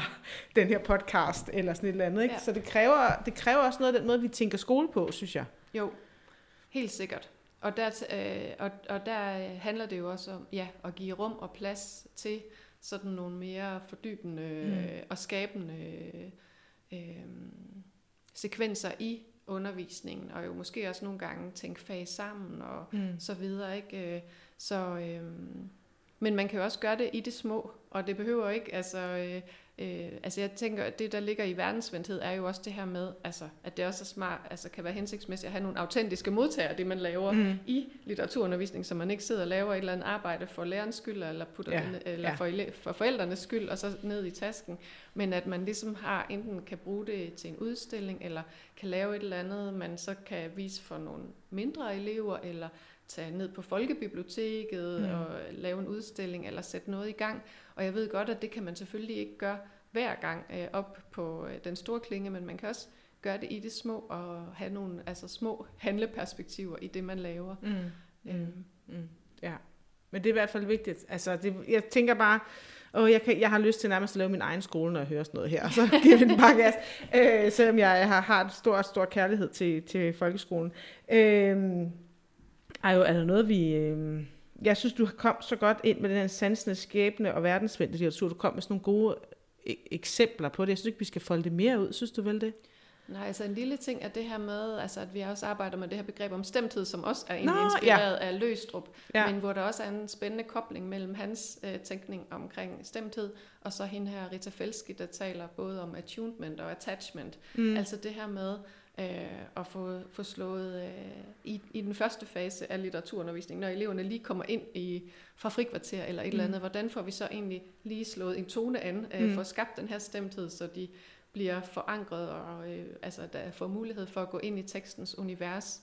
Og det er også noget af det, jeg kan se, efter øh, vi også har udgivet den her Grib Litteraturen for tre år siden, som mange egentlig er blevet optaget af det her med, hvordan kan vi lave nogle, altså før før læsningsøvelser, eller mm. få skabt et rum, som for kan... sat en scene. Lige præcis, ja. få sat en scene. Og det er selvfølgelig heller ikke noget, vi selv har fundet på. Det mm. ligger der jo også blandt andet i meget læsepædagogik, det her med nogle før læseøvelser, mm. men at man kan gøre det meget mere sansende, og det er det, det her stemtidsbegreb egentlig, synes jeg, inviterer ind til, at det her med, hvordan kan vi slå tekstens tone an, for eksempel det kunne være ved at spille noget musik, eller mm. også ved at komme i et mørkt rum, eller mm. ved at der er et æble på bordet, øh, og de lige skal smage på det, hvis det er en tekst, hvor, der for eksempel, hvor det for eksempel er relevant. Mm. Øhm, eller øh, altså så det her med at få, øh, få skabt et rum, eller det her med at gå ud af, ud af skolen, ud i, i øh, skolegården, hvis det giver mening, eller her som ned i kirken, det mm. lille eksempel, jeg lige kom med,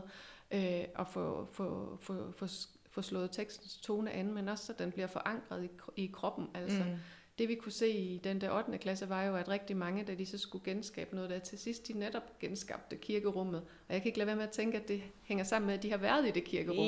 Det er selvfølgelig svært at bevise, ikke? men mm. det her med, hvordan teksten egentlig forankres øh, hos os i kroppen også, mm. øh, i sådan sansemæssigt og følelsesmæssigt. Mm. Ja, men det tror jeg, det, det giver jo mening. Du kan jo også, jeg kan jo selv som menneske, bare uden at være der, der er jo bøger, jeg har læst, hvor jeg kan sætte mig selv det sted, hvor jeg læste dem. Lige præcis. Altså, hvor jeg kan huske, ja. at jeg sad faktisk i det tog, der læste den her bog. Lige nu. Eller, ja, ja. det var og det der. tror jeg også, eller man har været på en ferie og har læst ja. en, til, øh, en, øh, en god roman et sted, mm. og så sætter det sig i kroppen. Mm. Og det er jo sådan, altså det her med os, at, vi, at som jeg allerede har været inde på, men at læsningen både er, er noget, øh, altså der foregår øh, sådan inde i kroppen eller mm. i hjernen eller sådan, ikke? Mm. men også noget, vi gør med vores sanser og følelser, og det er også mm. derfor, det her med også at skabe, være skabende, lave alle mulige kreative produkter, det kan være øhm, i papir og papir, det kan også være digitalt, man skaber nogle ting, men at man får litteratur mellem fingrene, mm. Øhm, mm. Så, så forankrer det sig hos øh, eleverne på en anden måde. Ja, ja. Jeg tænker, det er også noget med, vi skal væk fra fra kvantitet, at man bare kan hakke en hel masse ting af. Nu har vi lavet personkarakteristik, miljøbeskrivelse, vi har kigget på sproget, vi har kigget på rytmer, bla, bla, bla, og så over til noget kvalitet. Altså, mm. vi skal have noget mere dybde ind i det her, ikke? Lige nøjagtigt. Og så skal vi selvfølgelig ikke underkende, at man også skal læse for at blive en god, bedre læser, altså mm. for at kan tage læseprøven og så videre, mm. altså for at få gode læsekompetencer. Det skal vi selvfølgelig ikke underkende, men det tror jeg også godt, man kan øh, hvis man er mere eksplicit om, at nu træner vi læsemusklen, mm. og nu øh, mm. øh, og så andre gange nu øh, går vi mere ind i det litterære øh, univers, ikke? Ja, ja. Jo. Jeg tænker også måske i virkeligheden, der er mange forfattere, der er blevet dissekreret fuldstændig i meget dansk undervisning, der er egentlig lidt ked af det over det. Tænker, var det virkelig det her, jeg skrev det for? Men lige nøjagtigt, og det er jo det der med, at der er sådan nogle, altså, der er, altså nogle aktiviteter, der ligesom har løsrevet sig fra hele meningen med at, at læse, ikke? Ja. Øhm. Så tilbage til rødderne. Men mm. tak fordi vi måtte komme, eller jeg måtte komme, og øh, det var ja, mega interessant altså. Jan, tak fordi du vil være med hos os ved Stemmer for skolen. Det var så og, øh, og prøve at give lidt øh, sådan helt praktiske eksempler på, hvordan den her måde at arbejde med litteraturdidaktik sådan kan omsættes øh, i skolen. Øhm, allerførst så vil jeg gerne selvfølgelig lige sige velkommen til dig. Tak for det. og, øh, men så vil jeg godt starte med at spørge dig sådan lidt, lidt bredt, fordi nu har vi jo lige hørt, hvordan Ajo Kvist hun hun øh, udlægger den her sansende, skabende og verdensvendte litteraturdidaktik. Men øh, hvis du skulle sige med dine ord og med din erfaring, hvad det er, hvad, hvad vil du så sige? Jamen, øh, for mig, der tænker jeg, at det handler om at, at skabe sådan en, en levende og en foranderlig litteraturundervisning, hvor vi får flyttet fokus væk fra analysemodeller, spørgsmål og svar i undervisning, og sådan det, vi kunne kalde præfabrikerede undervisningsforløb. Jeg, jeg synes, det handler rigtig meget omkring at give litteraturen tilbage til eleverne og, og sige til dem, her er den, og hvad ved den ja, og hvad vil I med litteraturen, øh, og hvad skal vi sammen gøre ved den i undervisningen? Hvordan skal vi undersøge den nærmere? Ikke? Øh, og det er ikke sådan, at, at det så er alle elever, der ubetinget elsker den form for litteraturdidaktik, men, men jeg mærker alligevel, at der er rigtig mange elever, der sætter stor pris på den variation og de her uventede overraskelser, som kan komme i dansk undervisning, og som særligt sådan en slags litteraturarbejde gemmer på. Så, øh, så for mig så handler det enormt meget omkring det her med, at vi øh, tager udgangspunkt i teksten sammen med eleverne øh, og, øh, og angriber den fra alle vinkler. Sådan, sådan opfatter jeg det. Og du har jo været med til at skrive de her to øh, læremidler, Grib Litteraturen og Grib Litteraturen 2, som lige netop er udkommet. Mm. Øhm, så derfor tænker jeg også, at du har rigtig meget sådan helt praktisk, lavpraktisk erfaring med at føre, øh, føre de her ret flotte tanker, som jeg tror, altså jeg tænker, det er jo de færreste, der kan være uenige i, at teksten skal tilbage til eleverne, og, og, og at det skal være varieret undervisning. Men vil du ikke, vil du ikke prøve at give nogle sådan helt lavpraktiske eksempler på, hvordan det ser ud, når du underviser i litteraturdidaktik? Jo, det vil jeg gerne. Øh, man kan sige, at mine elever er jo efterhånden ved at være vant til det her med at, at møde mange forskellige litterære greb øh, og blive sådan, præsenteret for, for nye idéer i dansk undervisning. Og, og det vil sige, at de, de er også klar på det, der kommer. Øh, og det er jo selvfølgelig nogle gange en forudsætning for, at, at man også lykkes med tingene.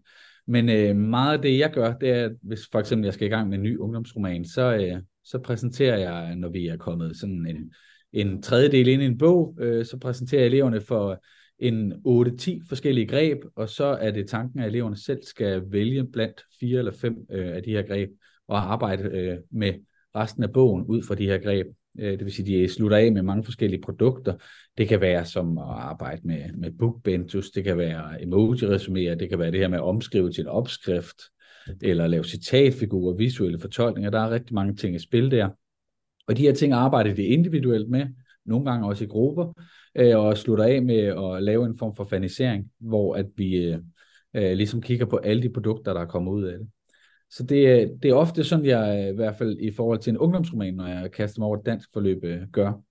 Så det vil så, sige, det på en måde sådan nærmest projektorienteret tilgang? Det, ja, det kan man godt sige. Ikke? Men det er jo også en, en måde, hvor jeg sådan oplever, at, at eleverne virkelig kommer i dybden med teksten. Altså, øh, øh, min fornemmelse er, at, at eleverne, øh, eleverne mærker teksterne meget mere, og at teksterne sætter sig meget mere øh, fast i eleverne, øh, når, vi, når vi snakker omkring den.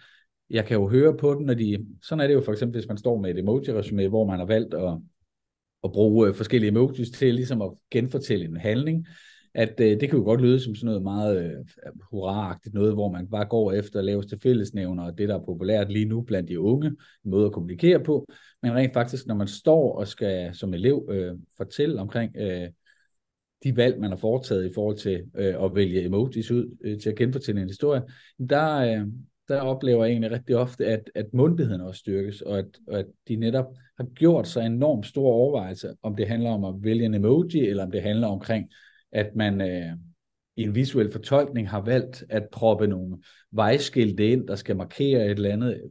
Der kunne være noget med for eksempel et, valg øh, for en hovedperson eller en hovedkarakter i en bog. At, at der er enorm øh, stor mundtlighed i det her kreative og sansebaserede litteraturundervisning, som, som jeg praktiserer, ikke? og mange andre også gør efterhånden. Kan du ikke sige lidt, fordi hvis man nu ikke kender øh, griblitteraturen endnu, øh, når du siger et greb, hvad er et greb? Hvad vil det sige?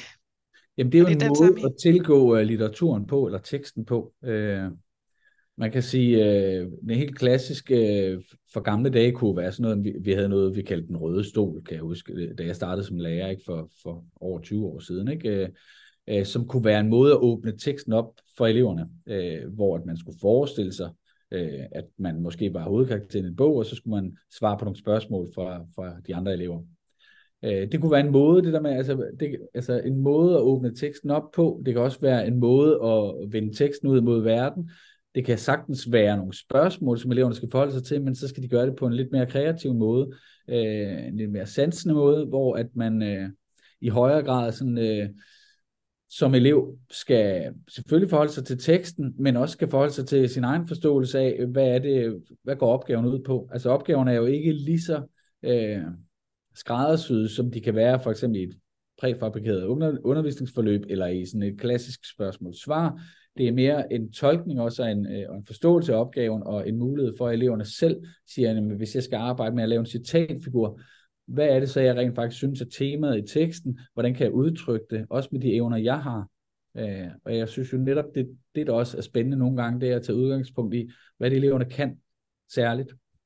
Nogle af de produkter, der kommer ud af, øh, af, af det kreative arbejde her, er jo øh, altså de, de, de flotteste resultater er ofte nogle af dem, hvor man kan sige, at eleverne tager udgangspunkt i noget af det, de er dygtige til, også i deres fritid. Så det vil sige, en, en, lad os sige, en fodboldpige kan måske nogle gange godt bruge den kunde til et eller andet i hendes litteraturarbejde. Ja. Øh, og det, sådan noget kan jeg godt lide, det der med, at man også trækker, øh, trækker elevernes særlige evner ind i, i litteraturarbejdet, i stedet for at det bare er de helt samme spørgsmål og de helt samme løsninger, man er på udkig efter som lærer. Mm.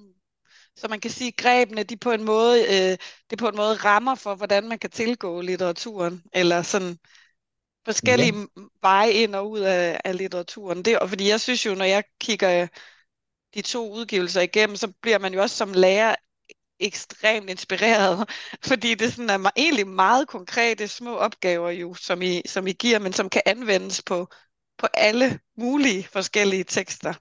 Ja, så, jamen, så, så, så, så, altså, når, når eleverne de er vant til at arbejde med, med, med sådan nogle kreative litterære greb i, i undervisningen, så giver det flere muligheder. Dels så bliver de jo selv øh, opmærksom på, hvad det er ved teksten, der griber den. Øh, ja.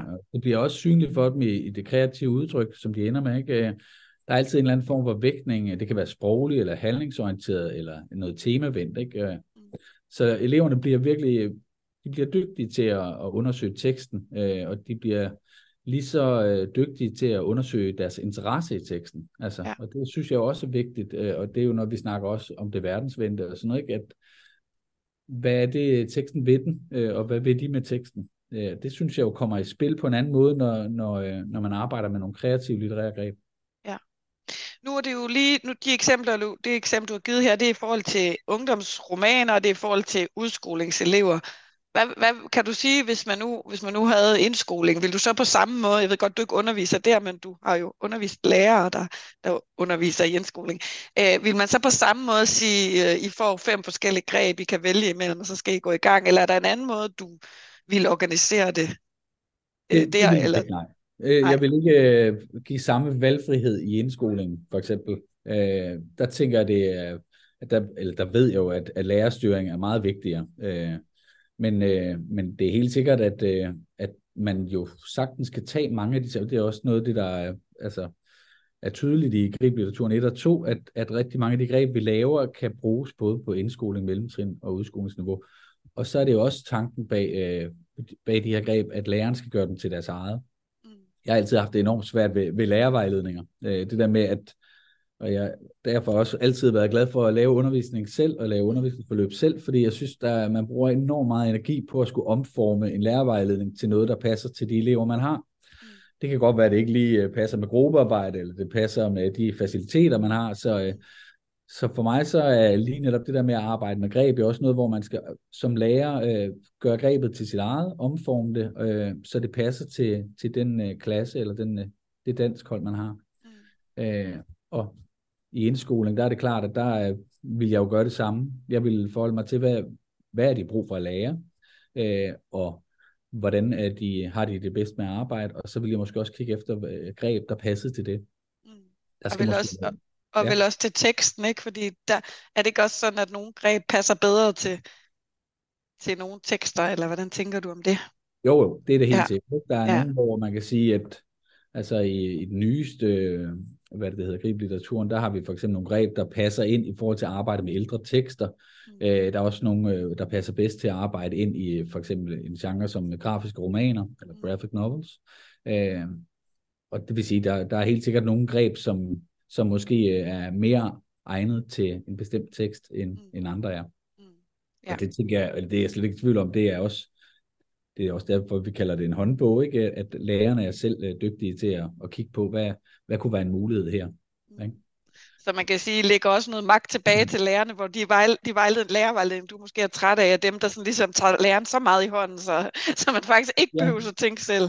Ja, og så man lidt mister føling. Ikke? Øh, ja. fordi øh, det er jo også, altså når vi snakker om det sansebaserede, så er det jo også det her med, at hvis vi gerne vil have eleverne til at sanse en bog, jamen så skal vi også selv være grebet af den. Vi skal også selv sanse den. Så hvis vi egentlig bare går ind og vælger en tekst og et forløb, der passer til, og så ligesom giver det videre, så tror jeg, det er enormt svært at, at gøre undervisningen, øh, altså give den en fornemmelse af, af sansning og variation og kreativitet, øh, hvis ikke man selv har et ejerskab for den. Ja, okay. Så, øh, men jeg tænker, det er noget, og det tænker jeg også sagtens, man kan i indskoling, øh, det er ikke kun i udskoling, at man kan sagtens øh, blive grebet sammen med eleverne. Altså, det kan også godt være undervisning nogle gange, om at sige, hvad bliver vi optaget af? Altså vi, vi har et greb, der hedder Læs med kompas, som egentlig er rettet mest mod udskoling, men hvor at eleverne selv skal vælge retninger øh, i løbet af deres læsning. Øh, og i princippet er det også, det, det, det kunne man også sagtens forestille sig i, i indskolingsdansk, at man mærker efter, hvad er det eleverne de er grebet af. Er det illustrationerne i billedbogen? Jamen så er det måske dem, vi skal dykke ned i og arbejde ud fra. Øh, øh, måske det noget i teksten eller i handlingen eller sådan noget. Ikke? Øh, et tema, som man skal kaste over. Ikke? Øh. Ja. Så der ligger også en åbenhed sådan i planlægning af forløbet i virkeligheden, når man arbejder på den her måde. Altså, at ting kan ændre sig undervejs sammen med dem, man læser teksten sammen med. Bestemt, ja. ja.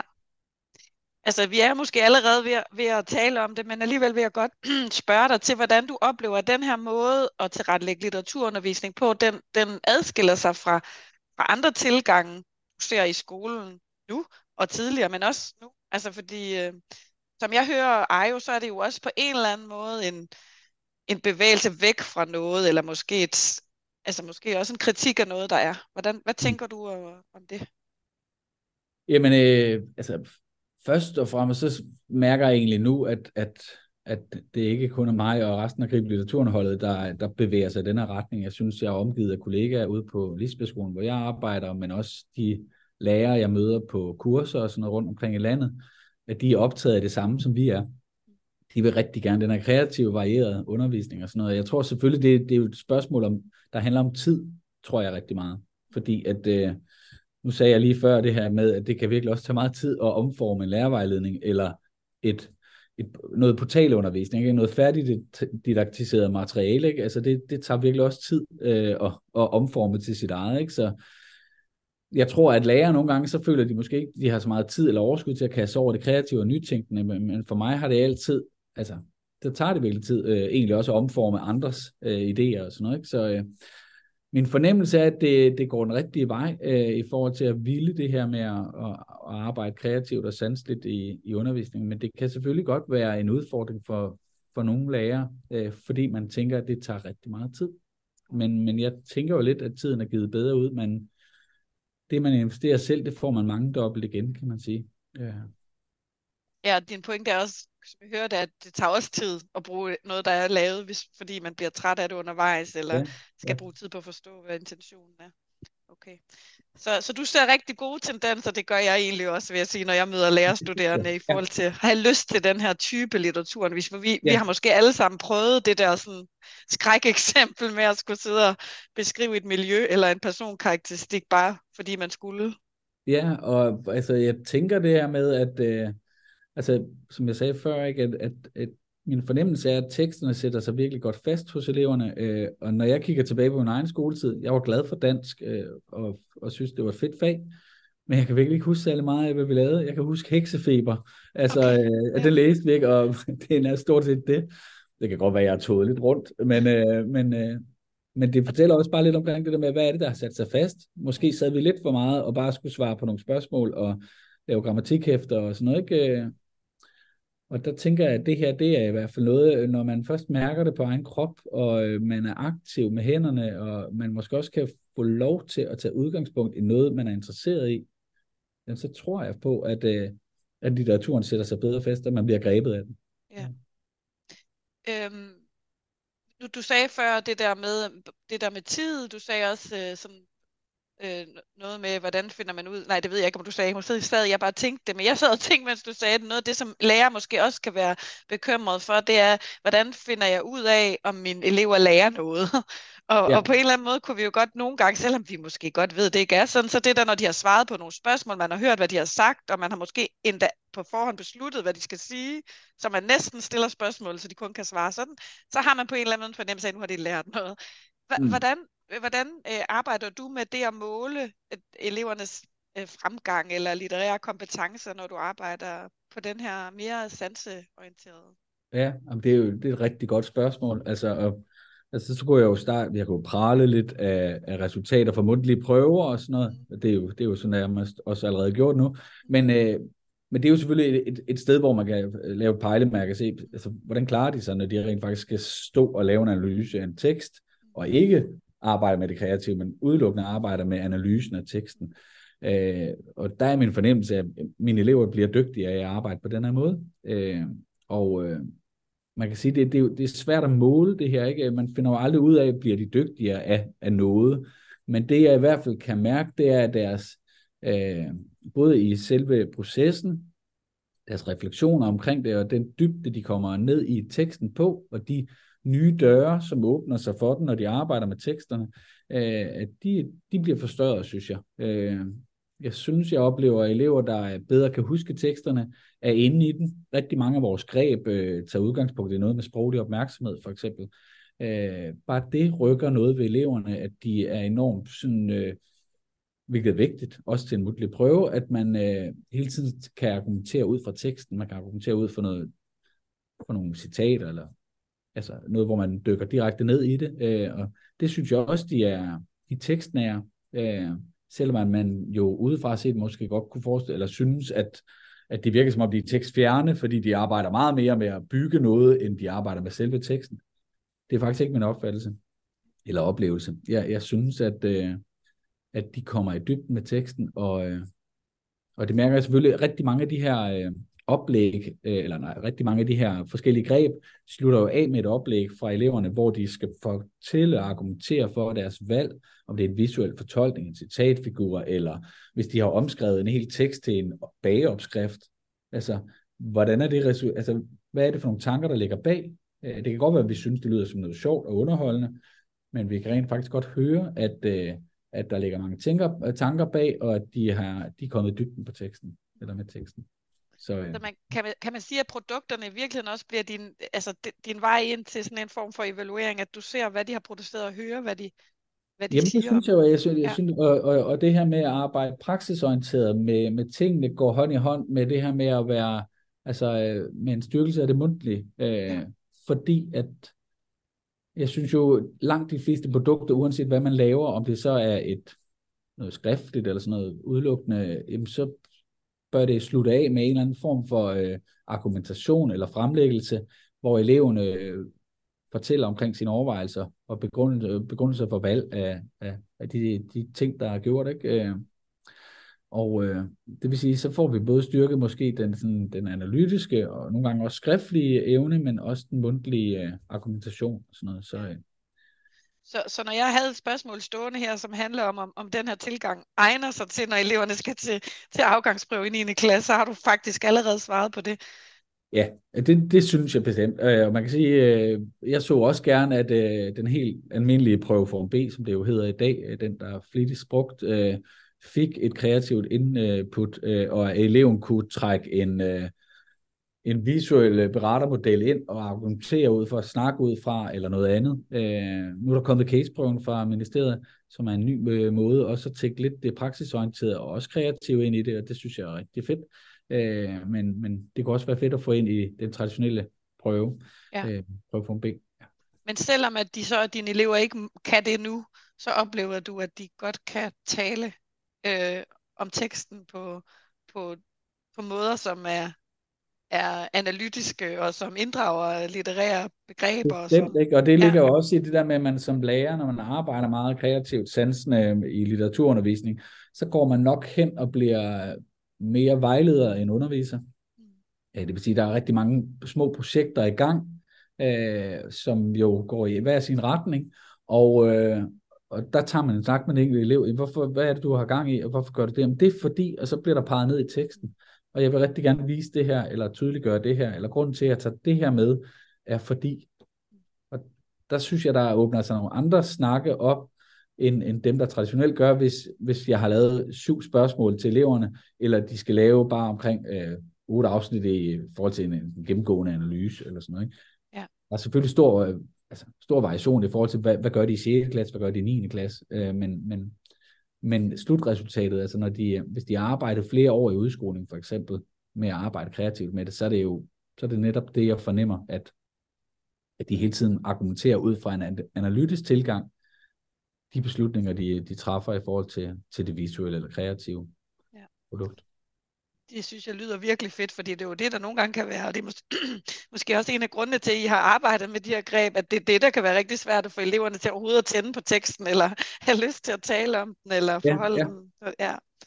Ja. Øhm, nu, du, har selv, du har selv lige nævnt det verdensvendte, som jo er sådan en, en, en, et ret vigtigt element i, i den sansende og skabende. Den hedder jo også den verdensvendte litteraturdidaktik.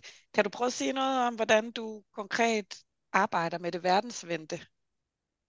I din Jamen, øh, altså et af mine yndlingsgreb i forhold til, til det verdensvendte, det, det er litterær aktivisme. Øh, og det er jo det her, jeg plejer at lave en sammenligning med, at øh, jeg plejer at sige det her med, at, at gode bøger kan forandre verden, og rigtig mange af de her tekster, vi vælger ude i, i, i undervisningen til vores børn og elever, øh, er jo nogen, der vil noget. Vi, vi vil noget med de bøger, vi vælger øh, som udgangspunkt. Øh, så er det jo nogen, der tager nogle svære temaer op. Det kan være alt fra mobning, flygtninge, øh, angst. Alle de her temaer, der bliver præsenteret i, i børne- og ungdomsromaner. Og det verdensvendte handler jo netop omkring det her med at, at flytte fokus på øh, fra teksten og så over til egen verden, øh, eller til den verden, vi er omgivet af. At eleverne bliver bedre til at både spejle sig i teksten, men også i forhold til at, at kan man sige, åbne døre, øh, eller få åbnet døre igennem teksten, og se ud på den verden, de er en del af. Så for mig så er det, det verdensvendte, det de her to ting, at man skal vende sig imod sin egen verden, men man skal også vende sig imod den verden, man er omgivet af. Og de litteratur, eksempler, vi arbejder med i, i, i folkeskolen primært, øh, er jo fyldt med, med nogle tekster, der netop kan det. Det betyder så også, at det er enormt vigtigt, at vi laver nogle øh, opgaver, nogle danskfaglige opgaver, noget didaktik, der netop gør plads til, at den verdensvendte litteratur også bliver behandlet, som den skal. Øh, og der kan man sige, øh, nu sagde jeg både spejl og dør, ikke? Øh, vi har et greb øh, her i den sidste greb litteraturen 2, ikke? som netop hedder spejlen og døren, ikke? hvor at, at eleven både skal prøve at øve sig selv i at spejle sig i, i, i, i teksten, men også skal forsøge at åbne de døre, som, som teksten øh, byder på i forhold til omverdenen. Og sådan noget. Så øh, ja, det er det kan, du lige, kan, kan du ikke lige sige det der litterær aktivisme? Hvad, hvad, hvad går du ud på? Jamen, litterær aktivisme, det handler omkring, at man øh, som udgangspunkt, så siger vi jo, øh, jamen, jeg har læst, og derfor har jeg lyst til.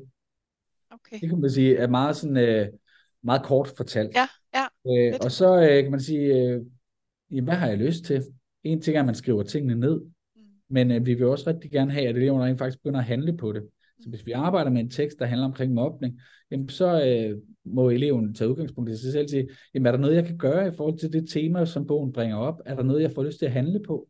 Kan jeg rent faktisk være aktivistisk i forhold til, til bogens tema, øh, og foretage mig noget, der kan måske fjerne øh, noget af det, der er svært i den her bog, øh, på min skole, eller i min verden.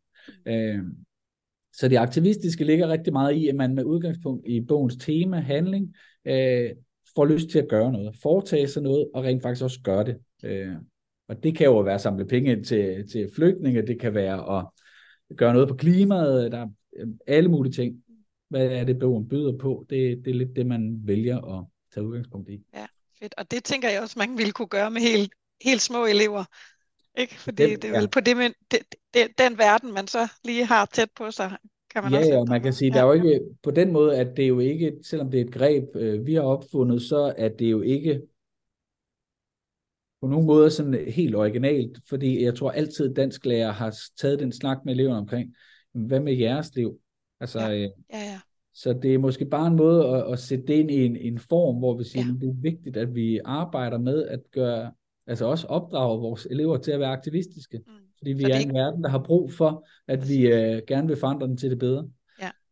Så det bliver ikke ved snakken, de får også mulighed for at gøre små mikrohandlinger, ja. vil man måske ja, kalde nogle gange, så kan man selvfølgelig skrive noget, og ja. det man skriver kan handle omkring, at man måske har ændret tanke omkring ja. noget, at jeg skal ikke have fordomme omkring det her, eller jeg skal huske at være opmærksom på en sidekammerat, eller hvad det nu kan være. Ikke? Ja, ja. Det, det er jo helt gode gamle begreb handlekompetence omsat i litteraturundervisning. Det er skønt. Ja. Godt. Øhm, noget andet, som Ajo fremhæver i Hannes interview med hende, det er det her sådan særlige ved litteraturen i dag, hvor materialiteten, altså hvor litteraturens materialitet flytter rundt, både mellem, mellem øh, mellem medier og, og også altså, formater i litteraturen, som måske er anderledes end, end bare papir. Ja. Øhm, og hvordan man ligesom, hun siger noget om, hvordan man kan gøre det til genstand for undervisning.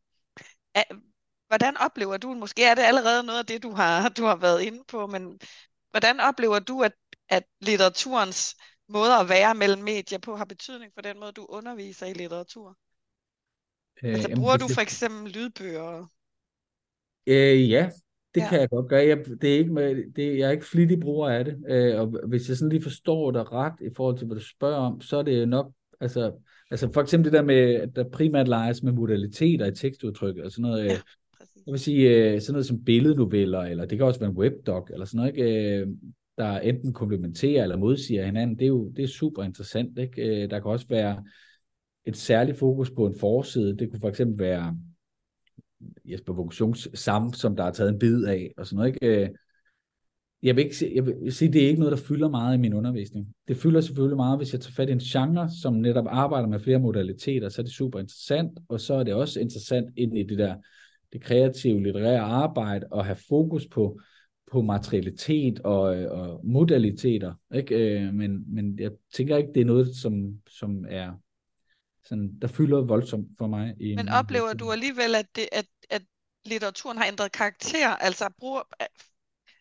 bruger du flere grafiske øh, romaner, end du gjorde tidligere? Er det blevet mere, at, ja. hvad skal vi sige, lødigt, at elever lytter til, til litteratur i stedet for at læse det, at man læser på e-bog og sådan noget, eller... eller... Jamen, jeg, jeg oplever helt sikkert, at, øh, at ungdomslitteraturen og børnelitteraturen har ændret karakter, og der er, den udkommer i mange forskellige facetter og farver, og, øh, og på mange forskellige måder, og det er jo virkelig fantastisk. Og nogle af dem øh, kaster man sig ikke over, andre er man virkelig begejstret for, men der er jo en, en klokkeklar udvikling, og der bliver produceret så mange gode børne- og ungdomsbøger, på så mange forskellige former, øh, så mange fortællinger til børn og unge. Ikke? Så øh, hele den her frustration, vi kan opleve og, og, og snakker meget om i de her år ikke, med læselyst, er i hvert fald ikke på baggrund af, at det, der kommer ud til børn og unge, ikke er godt nok.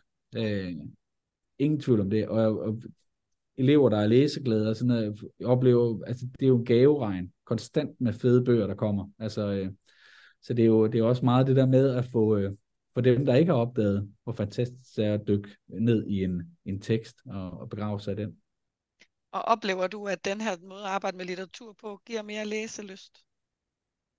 Altså det er jo ikke, det er jo ikke sådan noget med, at man kan sige, at, at alle øh, elever i en klasse eller en elevgruppe altid elsker samtlige danstimer. Sådan er det jo desværre ikke. Dog ikke. Øh, men, men altså jeg mærker jo en, en begejstring over øh, og en fortabelse i litteraturarbejdet, som jeg er vild med. Altså, at det ikke er syv spørgsmål, man skal nå at blive færdig med på en time, og så kan man gøre noget andet, men at, at jeg rigtig ofte oplever elever, der arbejder videre i fritid eller i pauser med et projekt, kreativt projekt eller et eller andet, fordi det er blevet en, øh, ikke et kald, men fordi det er blevet et, øh, det er noget, de rigtig gerne vil gøre så godt som muligt, øh, fordi de er optaget af at, at få udtrykt den idé, de har. Altså, det, det kan jeg jo virkelig godt lide, ikke? Øh, at det er, sådan, det er den vej, det går. Ja, så jo, jeg også, oplever, ja. Jeg tænker, det er sådan noget, en, en dansk lærer ikke kan andet end at blive glad for, ikke? Nej, det, det er svært ikke at være begejstret over det. Lidt stolt over måske også. Ja. ja. ja. Øhm, Jan, vi er ved at nærme os øh, enden af det her interview, men ja. til slut så vil jeg gerne bede dig om, fordi der sidder jo nok en masse lærere derude og tænker, hold da op, det lyder da meget spændende det her, og jeg kan få elever, der har lyst til at arbejde videre i frikvarteret og alt muligt, og måske også øh, lærerstuderende, der gerne vil arbejde sådan her. Hvad er dit bedste råd til, til, til de lærere, der sådan tænker, nu vil jeg prøve at ændre min litteraturdidaktik i lidt mere skabende og sansende og verdensvendt retning. Hvordan skal de starte? De skal starte med at tage udgangspunkt i teksten. Og så skal de, øh, så skal de tage, gøre det sammen med eleverne. Altså, øh, de er ikke alene, når de kaster sig ud i kreativ litteraturundervisning. Det er også ide, eller elevernes idéer, der, der skal være med til at bane vejen for, hvad er det, vi skal. Hvad, hvad siger bogen? Hvad siger teksten, eleverne? Hvad, hvad giver den dem af idéer? Hvad er de optaget af? Øh, jeg sagde tidligere, det der med, at vi kan jo ikke plante det her sansende hos eleverne, det skal også komme fra dem indenfra, øh, for at de ligesom kan spire. Øh, og så tænker jeg, det er vigtigt, at man ikke gentager sig selv, øh, gør det til en form for mantra, når man starter på et nyt øh, undervisningsforløb. Lad være med at bruge de samme opgaver, lad være med at tage de samme didaktiske valg, prøv noget nyt, øh, og vær ikke bange for, at det nogle gange fejler, for det gør det jo selvfølgelig, men, øh, men det er også en fed proces at være i øh, sammen med eleverne. Det synes jeg var et, øh, et super godt råd. Tak for det. Og øh, tak Jan, fordi du ville øh, gøre os lidt klogere på den her måde at arbejde med litteratur på. Rik, øh, den her didaktik, det er en didaktik, synes jeg, der handler om at sætte barnet og teksten i centrum. Altså læseren, som jo så er en elev eller mm. barnet, og så den tekst, der bliver læst. Og det synes jeg er meget velkomment. Det må man sige. Ja. Så det er ikke et enten eller, men et både og, kan man mm. sige. Ja, og det er også en didaktik, tror jeg, hvis, når man er lærer og skal sidde med, der tager tid. Altså, øh, og det er også noget, vi har godt af at få, at, at få mere af i den danske folkeskole. Men det er også noget, vi skal selv tage os. Altså vi skal selv sige, når vi laver vores årsplan, vi skal ikke igennem 8, 9, 10 forskellige øh, værker og, og forløb og alt muligt andet. Det er fint nok, at man bare har det her, man fordyber sig i og koncentrerer sig om og, og virkelig forfiner og gør rigtig godt. Og det er jo fordi, at det er bygget op om den der forestilling om, at sanserne skal i spil, og eleverne mm. skal skabe, mm. samtidig med, at de ligesom oplever og, og fortolker teksten. Mm. Og det synes jeg, at Jan Frydensbjerg der har sådan nogle gode eksempler på, hvad der, er, der sker med de der unge øh, elever, han har med at gøre mm. i udskolingen, når de faktisk får lov til at og selv at være med til at vælge, hvordan de vil arbejde, ja. hvad de vil arbejde Hvilken med. Hvilken tilgang tager de og sådan noget? Det lyder jo det der, når han siger, så fortsætter de i pauserne, man tænker, kan det egentlig ske? Altså, det er jo sikkert ikke noget, der sker hver gang, man arbejder på den her måde. Altså, så vil vi, det, det er det nok ikke, og det er måske også en pointe hos Jan. Men altså, jeg tænker, at du har helt ret i, det er noget, der kan tage tid. Eller hvad man i hvert fald skal være okay med, det tager tid. Jeg tror også sagtens, man kan arbejde med en kortprosa-tekst, og, eller en, øh, eller en uh, ungdomsroman, og bare lave et enkelt greb, mm. og så også skal det, lade det være. Mm. Og så skal vi selvfølgelig huske at sige, der sidder jo nok nogle lærere derude, der vil sige, ah, stop lige, jeg har faktisk arbejdet øh, øh, både sansende og verdensvendt med min litteraturundervisning, også øh, i indskoling og på mellemtrinnet. Mm. Men det er rigtigt, der er jo tendenser til, og det er jo det, der, det egentlig var hele udgangspunktet for vores podcast, ikke? at vi, vi kunne begge to genkende os i det citat der, øh, som du også læser ja, op at i din litteraturen døde, og patienten døde, og ja. eleven døde, og læseren døde. Ja, præcis. Og, ja. Ikke? Så, så, så det er i hvert fald en mulighed for at prøve at gøre noget andet. Mm. Vi har også tidligere haft en podcast om undersøgende litteraturdidaktik, mm. som jo er meget velbesøgt af vores lyttere, nok mm. også fordi den også giver bud. Og der tror jeg egentlig, man kan sige, at, at, øhm, at den her litteraturdidaktik er jo ikke mod, står ikke i modsætning til den undersøgende, men den bygger noget ovenpå, ikke? Mm. fordi den, øh, den, den lader det undersøgende også være noget, der bliver undersøgt med sanserne, mm. eller hvor vi producerer ting og sådan noget. Det, mm. det, det, det synes jeg i hvert fald er øh, kærkommet mm. og spændende. Og, og jeg oplever også selv, jeg har arbejdet lidt med det her for nylig med mine lærerstuderende, at man bliver faktisk også, det er super sjovt, som lærer eller som underviser på læreruddannelsen, og lade teksten ligesom få, øh, få liv gennem elevernes produktioner. Mm, mm. Og det er jo det, der er jo ikke nogen lærere, der ikke ønsker, at deres elever eller studerende for dit tilfælde kommer på banen. Nej, præcis. Altså det er der jo ikke nogen af os, der... Altså, vi vil jo gerne have, at de at det kommer ud igennem dem. Mm. Altså det, det, det, er jo, det er jo det, vi ønsker. Mm. Ikke? Og der kan man sige, at der, der talte vi jo med både Ajo og Jan om det der med, kan vi være det her bekendt i forhold til eleverne, når de skal til eksamen, og det mm. synes jeg, at det, det bliver ret tydeligt. De bliver faktisk meget dygtige til at, mm. at tale om tekster. Mm. Øh, fordi det er ikke bare pjat, det er jo ikke bare, nu sidder vi og klipper lidt, og så... Mm. Øh, vel, det er, ja, nej, det er, ikke... dyb, dyb alvorlig mm. omgang, og jeg tror, Ayo i sin bog kalder det nænsom nærlæsning, hvilket jeg synes er et virkelig smukt, øh, mm. en smuk måde at tale om det på. Mm. Men du, du nævnte lige det der verdensvente, Hanne, og det synes jeg nemlig også er helt centralt i, i, i de to interviews her. Det mm. der da jeg gik i skole, og da vi to måske gik i skole, der var det jo indimellem, man fik en bog, så fik man at vide, at den her handler om forurening. Mm. Og, og, og, og altså, man det, altså, vi gik helt deprimeret fra ja, skole den dag. Og vi behøvede så overhovedet ikke at læse den, fordi læreren havde besluttet, hvad temaet var. Det er jo sådan i ja. den anden ende af det ja. der med, at teksten øh, kun handler om personkarakteristik og miljø. Men her synes jeg, det her verdensvendte blik, som, som, som litteraturen jo altså indbyder til, mm. det bliver behandlet på en anden måde i den verdensvendte litteraturdidaktik. Ikke? Altså, jeg synes eksemplet om, om litterær aktivisme, altså på baggrund af min læsning af bogen, mm. hvad får jeg så lyst til, ja, ja. eller hvad, hvad bliver jeg nødt til, eller hvordan man nu kan stille Jamen, det er også en accept af, at vi ikke alle sammen ens. Vi, mm. ser, vi ser noget forskelligt i det samme ja, i virkeligheden. Ikke? Og at tekster kan byde på, på ja. mange forskellige verdensvendte ja. Og, og det, det, det, du er i dit liv lige nu, det har også en, det er også valid i forhold til, hvordan du ser det, det her værk. Eller, eller, eller, altså, og det synes ja. jeg også er vigtigt at få med. Det giver noget selvtillid til de kommende voksne. Ja, ikke? præcis. Ja. Tak fordi I lyttede med. Vi lyttes ved en anden god gang.